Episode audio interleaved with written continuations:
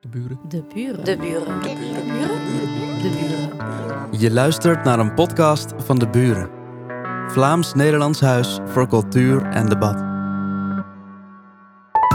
Radio 1.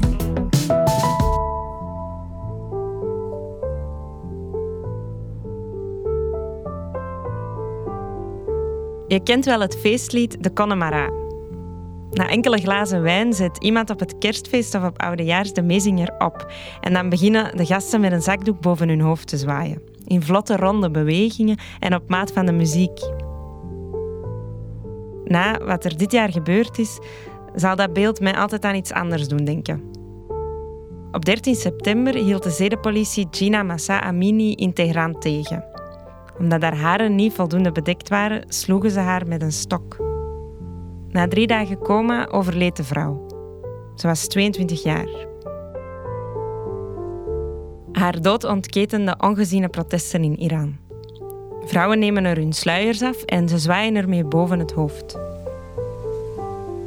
Ik zie nog heel goed de meisjes voor mij die met hun hoofddoek wapperen naar een ingekaderde foto van de president.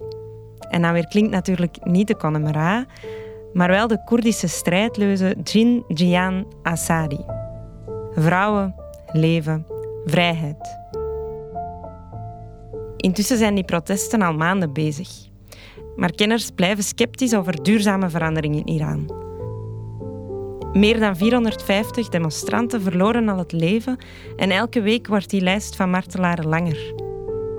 In Iran woedt een strijd die ook hier nog niet gestreden is. Die van het zelfbeschikkingsrecht van de vrouw. Want uit de steun voor de Iraanse vrouwenbeweging concludeerden sommigen dat ook hier vrouwen onder het juk van die hoofddoek uit moeten. Je zou niet en tegen de hoofddoek in Iran kunnen zijn en toch voor de hoofddoek in België.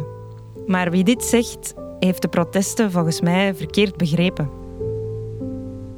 Het gaat erom dat geen zedenpolitie, of wie dan ook, mag bepalen of een vrouw haar haren bedekt. En met het verbieden van de hoofddoek ontzeg je de vrouw eveneens het zelfbeschikkingsrecht. Vrouwen, leven, vrijheid. Dat zijn de drie woorden waaraan ik zal denken wanneer de zakdoeken weer worden bovengehaald. De buren. De buren. De buren. De buren. De buren. Je luisterde naar een podcast van De Buren. Vlaams-Nederlands Huis voor Cultuur en Debat. Benieuwd naar meer? Luister ook naar onze andere verhalen en registraties. En ontdek ons podiumprogramma op deburen.eu.